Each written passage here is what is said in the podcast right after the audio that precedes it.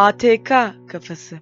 At kafası. Efendim merhabalar. Bir Ahmet Turan Köksal kafası yaşayacağınız ATK kafası, at kafası podcast yayınına hoş geldiniz. Şimdi devamlı podcast yapılıyor. Yeni moda. Instagram canlı yayından sonra herkes podcast'i keşfetti. E ne yapalım? Pandemi günleri normaldir. Ben daha öncesinde başlamıştım. Ferhan Şensoy da başlayacakmış. Çok da severim. Kızı geliyor ona baba diyor biz de diyor podcast işine girelim mi evde kalmayalım falan gibilerinden. O da tabii yılların tiyatrocusu. Podcast ne demek diye soruyor.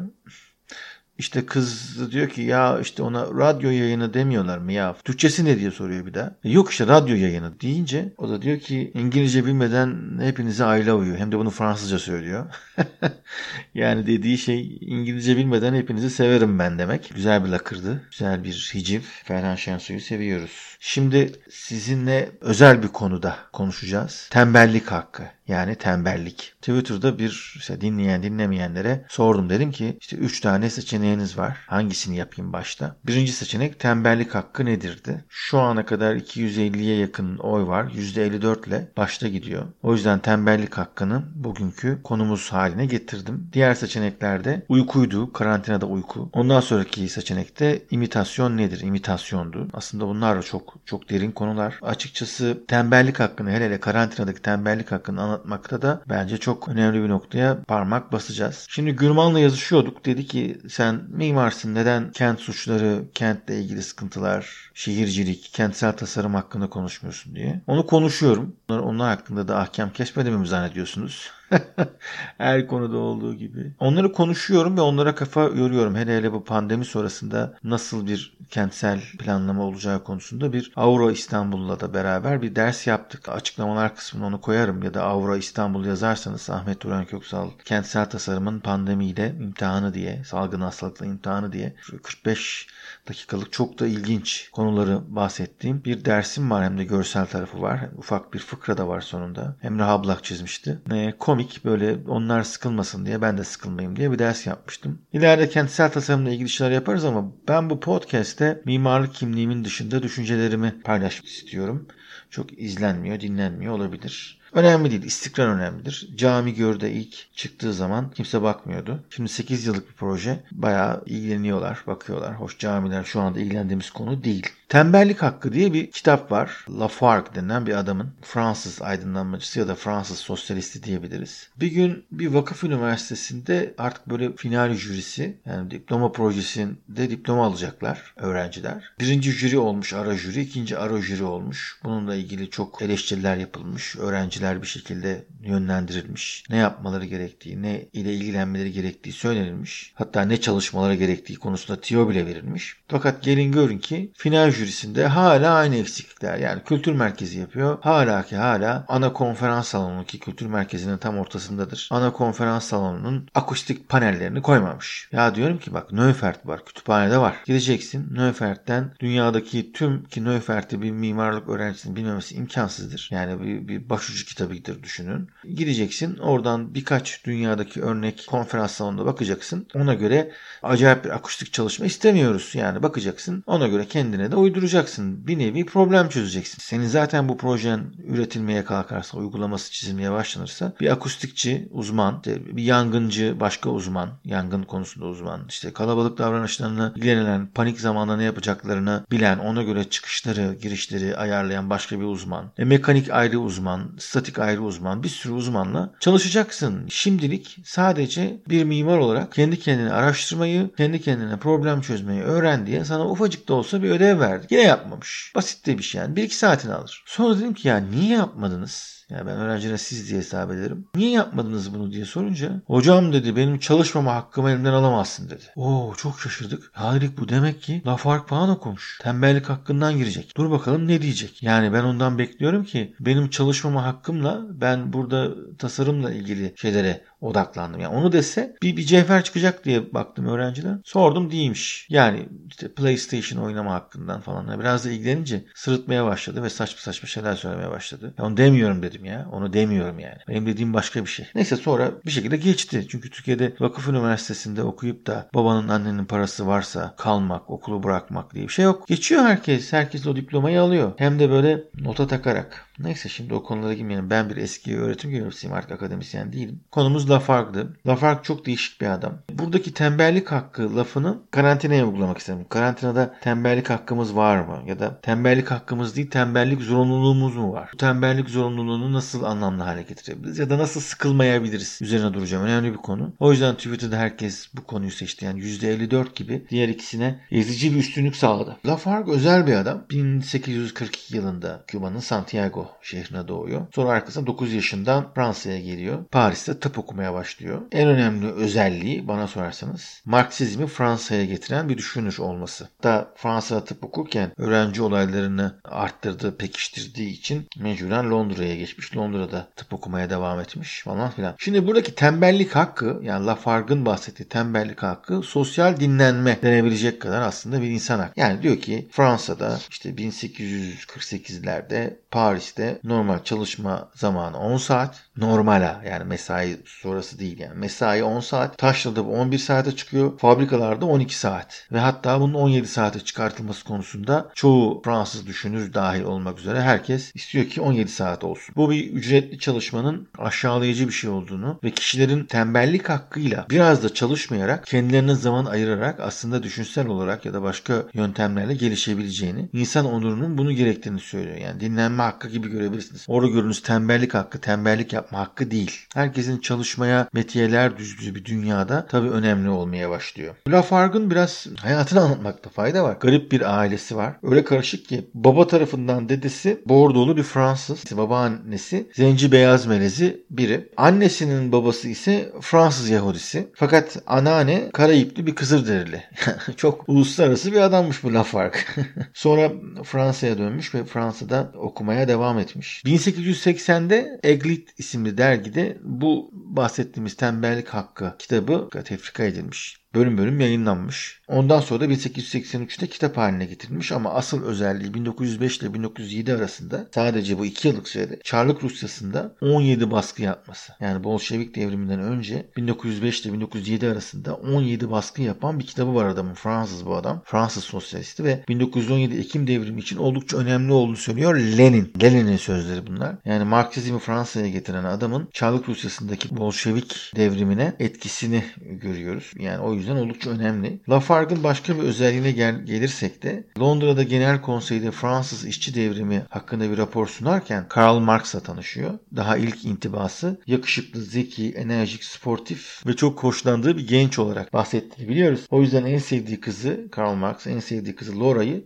sevgili melezimize veriyor. Bazı yazılarda melezimiz diyor Lafargue için. 1870'te Fransa-Almanya savaşı çıkıyor ve bunu Almanya kazanıyor. Bu karışıklar düşünün yani sizin eşiniz Alman, siz de Fransızsınız ve öyle bir savaş varken bunlar mecburen işte 1871'de İspanya'ya kaçıyorlar. Hatta İspanya'da Karl Marx'ın Kapitalinin İspanyolcaya çevrilmesinde de etkisi büyüktür. Tabii Fransa ekonomik problemlerden kurtulamıyor. Savaşta kaybetmiş. Hatta Almanya Fransa'yı 1870'te yenince Osmanlı Devleti'nin Almanya tarafından etkilenmesi daha kolay oluyor. Bu Krupp marka topların, efendim Mauser marka tüfeklerin, piyade tüfeğinin Osmanlı Devleti tarafından alınması hatta Bismarck'ın bu alımlarda hususi olarak ajanlık yapması falan filan. Bu Fransa-Almanya Savaşı'ndaki Almanya'nın zaferi yüzünden etkili, etkiliyor bizimkileri. Sonra da işte biliyorsunuz Birinci Dünya Savaşı'na kadar gidiyor. Birinci Dünya Savaşı'nı biz niye kaybettik? Tabii ki Almanya kaybettiği için kaybettik. Yoksa biz kesin zaferle çıkmıştık. Neyse efendim. Sonra işte bir şekilde Londra'ya dönüyor. Londra'da yaşamaya devam ediyor. Ve 1911'de Laura ile beraber kucak kucağa ölü bulunuyor. İkisi aynı anda derilerinin altına siyanür enjekte ediyorlar. Bıraktıkları bunları mektupta karı koca Lafargue şu kararı vermiş. 70 yaşından sonra yaşamamaya ve kimseye yük olmamaya, bir şeyler üretmeye ama 70 yaşından sonra kimsenin bana bakması gerekmediği için hayatımı sonlandırıyorum demiş. Şimdi böyle karı koca kucak kucağa beraber intihar etme, toplu intiharlar beni böyle biraz şaşırtmıştır ve ilgimi çekmiştir. Aynen Stefan Zweig de öyle intihar etmiştir Arjantin'de. Onların da ayrı bir depresyonu var. Bir tane de böyle intihar diye bir podcast yapasım var bir mimar olarak. Kentsel bir şey anlatmak gerekir gerekirken. Neyse. intihar çok acayip bir şey. Adam söz vermiş kendi kendine. Ben 70 yaşından sonra yaşamayacağım abi demiş. 1911'de yani 1842 doğumlu olduğuna göre daha 69 yaşındayken intihar etmiş. Tembellik hakkını herkesin çok sevdiği PlayStation oynamak, sabahtan akşama kadar oturmak, hiçbir iş yapmamak, tembel olmak gibi bir nihilist tarafa doğru çektikleri yerleri ortadadır ama değil. Aslında tembellik hakkı çalışılmayan zamanın kullanılması, çalışılmayan zamanın ayarlanmasıyla alakalı bir şey ki Fransızca çalışma, travail tabii doğru telaffuz edemiyor olabilir mi? Fransızcam yok. Fakat Türkçe anlamı zahmetli ve acı veren iş, işkence bile anlamına gelebilir. Yani aslında çalışma kavramı bu. Burada Lafargue'ın bahsettiği tembellik bir miktar çalışma dışında kişilerin kendilerine ayırdıkları zaman ya da çalışmama zamanında bir onurun olduğunu gösteriyor. Lafargue hatta çok iddialı diyor ki günlük 3 saat çalışmalı diyor. O kadar da tabii abartı. Bir anda oraya geçmek çok kolay değil ama biliyorsunuz Rusya'da bu pandemi öncesinde 5 gün değil de 4 gün çalışılması konusunda az daha bir e, kanun geçiyordu. Evrensel gelir sistemiyle beraber çalışmanın düşürmesi çünkü antik Yunan'da ve Mısır'da çalışmak aslında onur kırıcı bir şey. Onlar kölelerin yapacağı iş. Fiziki çalışmak. Tembellik hakkı olmasa dahi bu yaklaşımı Lafargue'dan önce 1758'de Jean-Jacques Rousseau ki çok etkilemiştir Osmanlı romantiklerini de 1758 tarihli eserinde bundan bahsediyor. Lafargue'ın kitabını okursanız eğer ince bir kitap bazı örnekler var. Olayı çok abartıyor Lafargue bazı yerlerde. Örnekler veriyor işte çok fazla ham madde almak için çırpınan, borçlanan, senetler, bonoları imzalayan bir çorap üreticisi var diyelim ki. Talepten daha fazla arz ortaya koyuyor ve böyle deposunu dolduracak kadar böyle harıl harıl işçilere de para vermeyerek acayip de çalıştırarak çorap üretiyor. En sonunda piyasada kimse bu çorabı almıyor. Bir tane Yahudi gelip bunu 3 kuruştan alıyor ve adam batıyor falan filan gibi bir şeyler söylüyor bir örnek. Daha başka örnekleri var. Ben kitabı bir daha okudum. Yani bir şey kaçırmayayım ya da hatırlamadığım bir yer var mı diye. Çok çalışmak sömürgeciliği de arttırır diyor. Ama bu sömürgeciliği daha farklı olarak görüyor. Yani mal ve ana para artınca para babaları sigaralarını içip aylak aylak güneşlenen uluslara, bunda biz de dahiliz galiba, demir yolları, fabrikalar, üretim merkezleri kurup oradaki adamların da çalışmanın uğursuzluğunu onlara götürüyorlar diyor. Yani oradaki adamları da etkiliyor diyor. Acaba aylak aylak sigara içip güneşlenmek iyi bir şey mi kötü bir şey mi? Yani Fransa sömürgeciliği sadece aylak aylaklara içip güneşlenenlere demir yolu ve fabrika gibi güzel şeyler mi götürmek için kurdu? Tabi Lafargue da o zaman farklı düşünüyor olabilir. Herhangi bir Amerikalıya sorarsanız Arap Baharı'nı da Amerika ve gelişmiş Batı ülkeleri bir şekilde oraya demokrasi getirmek için yaptılar. Al işte size demokrasi. Kitabın bitiş cümlesinden bir örnek de vereceğim. Direkt okuyorum. Hala anlamıyorlar. Makinenin insanlığın kurtarıcısı olduğunu, insanı aşağılık ve ücretli işlerden kurtaracak olan, azat eden, boş zaman ve özgürlük veren Tanrı olduğunu. Oy oy oy oy oy. Son dakika çok ciddi bir şey söylüyorlar fark. Yani makineleşmek bu sayede insanın işlerden kurtulması, insanların makinelerden korktuklarını onların yerine geçerek onları işsiz bırakacakları korkusuyla işlerine daha çok sarıldığını görüyoruz. Acaba bizim için yapay zeka ve otonom araçlar bir tehlike mi oluşturuyor ki bunu çok özgürlük veren, çok iyi, azat eden, boş zaman yaratan bir tanrı olarak görmüş makineleşmeyi sevgili Lafargue. Yani Lafargue'ın Tanrı ile olan ilişkisi de, Tanrı'yı reddetmesiyle olan ilişkisini de hemen ekleyip sonra genel yorumlarıma geçeceğim. Lafargue diyor ki bilim Tanrı'yı yok saymıyor. Daha iyisini yapıyor. Onu gereksiz kılıyor diyor. yani aslında bilime çok fazla önem verenler. Bazıları şöyle bir şey dedi. Bilime inanıyorsunuz ki bilime inanılmaz. Bilim bir din değil. İnanan varsa o kendi sorunudur. Bilimin bu pandemi salgınında e, sınıfta kaldığını, bu kadar süre aşı bulamadığını, bu kadar kişinin ölmesinde veya salgının önlenmesinde herhangi bir etkisinin olmadığını söylüyorlar. Sanki virüsü bilim bulmuş gibi ki zaten Trump da Çinliler buldu yaydı falan filan demişti. Tabii bilim sınıfta kaldı. Sağlık çalışanları patladılar diyebiliriz bulabilirsiniz. Ama gördüğüm kadarıyla hem Hristiyan hem Müslüman hem de başka dindekiler de acayip sınıf atladılar yani. virüs bize dokunmaz, cumayı beraber kılalım ya da virüs bize dokunmaz diye hmm, kiliseyi pazar günleri yine millet toplayan papaz öldü. Artık cumalar beraber kılılmıyor. Cuma cem yani birleşmek bir şekilde ölmedikten sonra yine yapabileceğiniz bir şey. Tabii ben din alimi değilim. Herkesin dini kendinedir. O yüzden bu konulara girmek de istemiyorum. Şimdi gelelim bu Lafargue'ın tembellik hakkını artık sağda solda ben de okudum diyebilirsiniz. Size özetini çıkardım. Hatta böyle yok abi öyle değilmiş o tembellik hakkı değilmiş. Adam normal çalışmayı ve dinlenmeyi, dinlenme hakkını savunmuş o zaman için önemliymiş diyerek bu konuyu bildiğinizi gösterebilirsiniz ya da kitabı da okuyabilirsiniz. Hızlı okunan bir kitap. Asıl benim bahsetmek istediğim gerçekten tembellik hakkı. Yani nihilist bir düzlemde dışarı çıkmanın yasak olduğu bir durumda biz ne edeceğiz de nasıl yapacağız de tembellik hakkımızı yararlı ya da kendimizi mutlu eden şekilde kullanacağız. Şimdi bu post-truth'un ergenlik çağı dediğimiz zamanda eğlencesizlik, eğlencesiz kalmak, cep telefonu ekranına bakamamak çünkü şarjınızın bitmesi, bununla ilgili sorunların büyük bir dert olduğunu, sosyal medya ya da kendini ifşa etme meselesinin artık önemli bir psikolojik etki olduğunu, kişiyi ölümsüzleştirdiğini, pandemi zamanında evde ekmek yapılıyor ve ekmek sunuluyor. Instagram'da canlı yayın artışı yüzünden sistemler çalışmaz hale geldi. Herkes canlı yayın yapıyor. Arkitera ile ilgili bir canlı yayın yaptım. Hoş da bir canlı yayındı. Sonra arkasından bir de Aura İstanbul için bir ders gibi, bir seminer gibi bir canlı yayın yaptım. Ondan sonra o kadar çok arkadaş canlı yayın için bana mail attı, istedi. Bu işten para kazanan profesyonel bir adam değilim. Zaten podcastlerin durumundan belli. Reddettim çoğunu üzülerek ve biraz da özür dileyerek. Çünkü çok fazla zaten podcast var. Beni, beni dinlemek isteyen bunları dinlesin yani. Bunlara baksınlar. Ne kadar dinlenildiğini takip etmeye çalışıyorum. İyi bir iş yapmaya çalışıyorum. Kendimce tek kelimelik böyle zihin açan biraz felsefik şeyler yapmaya çalışıyorum ama oluyor olmuyor. Yani ben de bilirim uzmanlık alanım dışında konuşmamayı. Tehlikeli sularda yüzüyorum herkes gibi. Çok zor bir iş. Sadece mimari ve kentsel tasarım üzerine konuşabilirim. Yazılarımda öyle yapıyorum. Yani makalelerimde mimariyle ilgili olan yazıları sadece arkitereye yazıyorum. Kendi aforizmalarımı, kendi dertlerimi kendi blogumda yapıyorum. Bu podcast serisi de daha çok işte tek kelimelik, zihin açıcı, deneysel böyle antrenmanlar. Yıllardan beri deli gibi çalışıyoruz ve ulan diyoruz şu oyunu bitiremedim. Şöyle ağız tadıyla sabahtan akşama kadar Star Wars serisini başından sonuna kadar deviremedim. Önüme kocaman bir mısır patlağı alarak bilmem ne filmini rahat rahat seyredelim. Devamlı bir iş çıktı. Böyle şu kitabı okuyamadım. Şu podcast'i dinleyemedim. Şu dersi alamadım falan filan gibi. Herkesin derdi var. Ama ne zaman ki ne zaman ki buna Vedat Milor'u bile dahil kendi kendine eleştirmiş, öz eleştiri yapmış. Çok seviyoruz kendisini. Hep ertelediniz. Hep kenara koydunuz. İşlerin hiçbirini yapamaz oldunuz. Yapmadınız yani.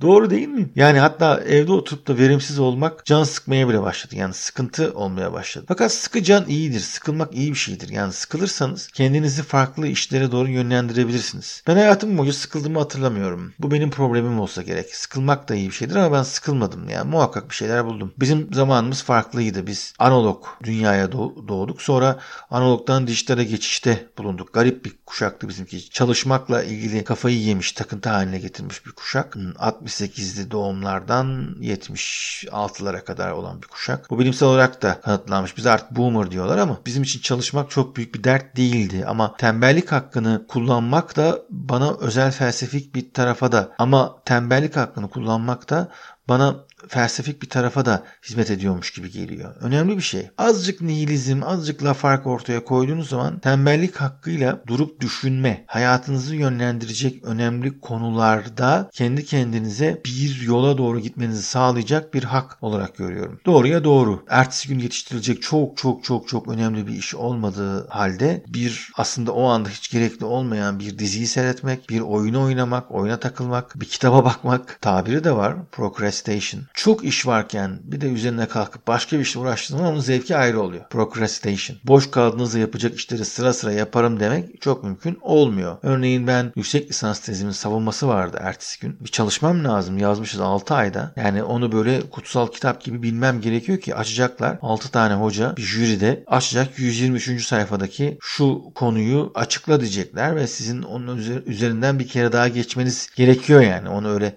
her konuyu bırakamazsınız. En son gün bir okumakta fayda var. Ki benimki 123 sayfa değildi. Benim çok kısa bir yüksek lisans tezim vardı. Kısa yüksek lisans tezi yapmak ve onu bir kere de geçirmek de meseledir. Ama o sırada nişanlım e, şu andaki eşim aradı. Dedi ki ne yapıyorsun? İhsan Oktay Yanar'ın kitabı çıkmıştı. Valla ben onu okudum. Yani inanın tezin kapağını açmadım. Ay şunu, ay şu sayfada bitsin, şu bölümde bitsin diye diye aslında hiç teze bakmadan girdim ve inanın daha faydalı oldu. Hiçbir şeyi unuttuğumu hatırlamıyorum ve İhsan Oktayanar'ı okumak tez öncesi bana çok iyi geldi. Sanırım bu procrastination durumu bana faydalı oldu. Herkese olur mu bilmiyorum. Ama inanın e, zevki ayrı oluyor. Acayip bir iş yetiştirmek sırasındayken kütüphaneyi temizlemeye kalkmanız, onları bütün kütüphaneyi aşağı indirip kitapları e, kategorize etmek, yenilerini eskilerini koymak, okuyacakları tanımlamak hiç de zamanı değilken, hiç de yeri değilken ayrı bir tembellik. Ama benim tembellik hakkı diye bahsettiğim şey bu değil. Ben maymun iştahlı bir adamımdır. Hatta şöyle bir aforizmam var. Dünyada her konuda maymun iştahlı olmuşumdur. Böyle ufak başarıyı yakalayıp başka bir şeye zıplamışımdır. Bundan çok e, sıkıntı çektiğim de olmuştur. Bana iyi geldiği de olmuştur. Çok maymun iştahlıyım ve sadece tek bir konuda istikrarlıyım. Yani maymun iştahlılığı bozduğum tek bir konum var. O da maymun iştahlı olmak. O konuda o kadar istikrarlıyım ki bu konudaki maymun iştahlığımı bozduğum olay tek bu oluyor. Yani paradoks gibi. Yalan söylemeyi beceremeyen yalancıdır. Gerçek yalancılar yalancı değillerdir. Çünkü yalan söylemeyi becerirler. Anlamazsınız onların yalan söyledik. Yalan söylemeyi beceremeyene yalancı denir. Hmm, bakın bu da paradoks. Cem Yılmaz bir de kullanmıştı bunu. Şimdi dediğim gibi bu paradoksla beraber maymun iştahlı olmanın dışında bir projeye başladınız. Mesela ben kitap yazıyorum. Hem de zor bir kitap. Bir bilim kurgu romanı. Yazıyorum, yazıyorum, yazıyorum. Delicesine bir üretim. Ondan sonra belirli bir zaman gelince yazma enerjim olduğu halde konularda birikmişken bırakıyorum. Evet durduruyorum. Sonra başka bir şey geçiyorum. 3 ay sonra, 4 ay sonra yazdıklarımı baştan okuyorum. Aman Allah'ım ne saçmalamışım, neler yazmışım. Öyle bir dinginlik geliyor ki bir kere minimalleştiriyorum. Fazlalığı kenara atıyorum. Yani eğer bu podcast'i bir daha dinleyip bir daha konuşsam ki iki kere yapıyorum ben bütün podcast'leri. Bir deneme yapıyorum aklıma gelenleri. Dinliyorum onu. Ondan sonra bir daha podcast yapıyorum. Podcast öncesi çalışıyorum, kitap okuyorum. Bunu da severek yapıyorum. Bu tür tembellik hakkımı kullanıyorum. Yani şu anda başka bir iş yapmam gerekirken mesela Udemy'de bir dersler yapabilecekken yapmıyorum. Bu daha çok aklıma geliyor. Çünkü Nadas'a bırakmak da bir tembellik hakkı. Tembel olmak. O anda yaptığınız işi bir kenara bırakıp o anda iştigaliniz olan e, konuyu bir kenara bırakıp ki zevk alsanız dahi bile onu bırakıp şöyle bir düşünmek. Ne yapıyorum? Nasıl yapıyorum? Nasıl bir şey yapabilirim? Veya durmam mı gerekiyor? Nasıl bir ortamdayım? Bazı iş kolları var ki örneğin bir startup'ın başındasınız ve yatırım da almışsanız belirli bir hedefe belirli bir zamanda ulaşmanız gerekiyor. Aynı şekilde mimarların tembellik hakkı yoktur. Aslında bizim yok. Ben acayip sabahlarım, rekorlarım falan var. Hatta Ustura isimli kitabımda acayip bir rekor kırıp işte 52-53 saat az uykuyla uyumamazlıkla durarak arkasında halüsinasyon gördüğümü, bu açık rüya denen şeyi gördüğümü anlattığım bölüm var. Ustura'nın ekler bölümünde okuyun. Çok komiktir. 7 lira zaten. Şu anda kalmış mı kalmamış mı onu da bilmiyorum. Artık öyle bir duruma geldim ki uykuyla ilgili, rüya ile ilgili farklı şeyler görmeye başladım. İşte bu açık rüya denen, akışkan rüya denilen bir sistemin dışında bir de benim kızımla beraber deneyimlediğim başka rüya var. Onları da anlatacağım. Şimdi tembelliğe dönelim. Tembellik eğer planlı programlı yapabiliyorsanız oldukça yararlı bir iş. Yani şundan bahsetmiyorum. Saat 3'ten 5'e kadar tembellik yapacağım. 5'te deli gibi çalışacağımdan da bahsetmiyoruz. O zaten var olan bir şey. O zaman planlaması. Sanırım Lafargue da Bundan biraz dem vuruyor. Benim bahsettiğim o değil. Deli gibi çalıştığınız bir işi durup arkaya bakıp düşünmekle alakalı bir şey bu. Yani 17'sine teslim edilecek bir projeyi 15'inde bitirip 2 gün onun üzerine düşünüp en son rütuşları ona göre yap. Bu süper bir şey. Tembellik hakkı çok çok iyi yapabildiğiniz bir şeyde yani eğer bilim kurgu yazıyorsanız kendi konunuzla ilgili yapılmış örnekleri yalayıp yutmak. Bak bu da olabilir. Bunun için de tabii tembellik hakkı içinde ürettiğiniz değerleri kaydetmeniz gerekiyor. İleride şunu yapabilirim diye. Bu maymun iştahlığın bir tarafı. Ben mesela Google Keep'i kullanırım. Bir kere oldu rüyamda bir şey gördüm ve onu kalkıp yazabildim. Onun dışında rüya konusuna da gireceğiz. Ayrı bir podcast konumuz olacak. Aklıma gelen iyi bir şeyi hemen yazmaya çalışırım. Kaybetmemeye çalışırım. Sonra onu başka bir yerde kullanmak, bir, bir yerle birleştirmek. Onu başka bir hafıza sistemi haline getirmekle alakalı. Yani bana sorarsanız tembellik hakkı bir miktar yaptığınız işi bu kapitalist dünyanın hengamesinde çok para kazanacağım, şunu yapacağım. Hele çocuklu anne babalar için çok mümkün olmuyor. Devamlı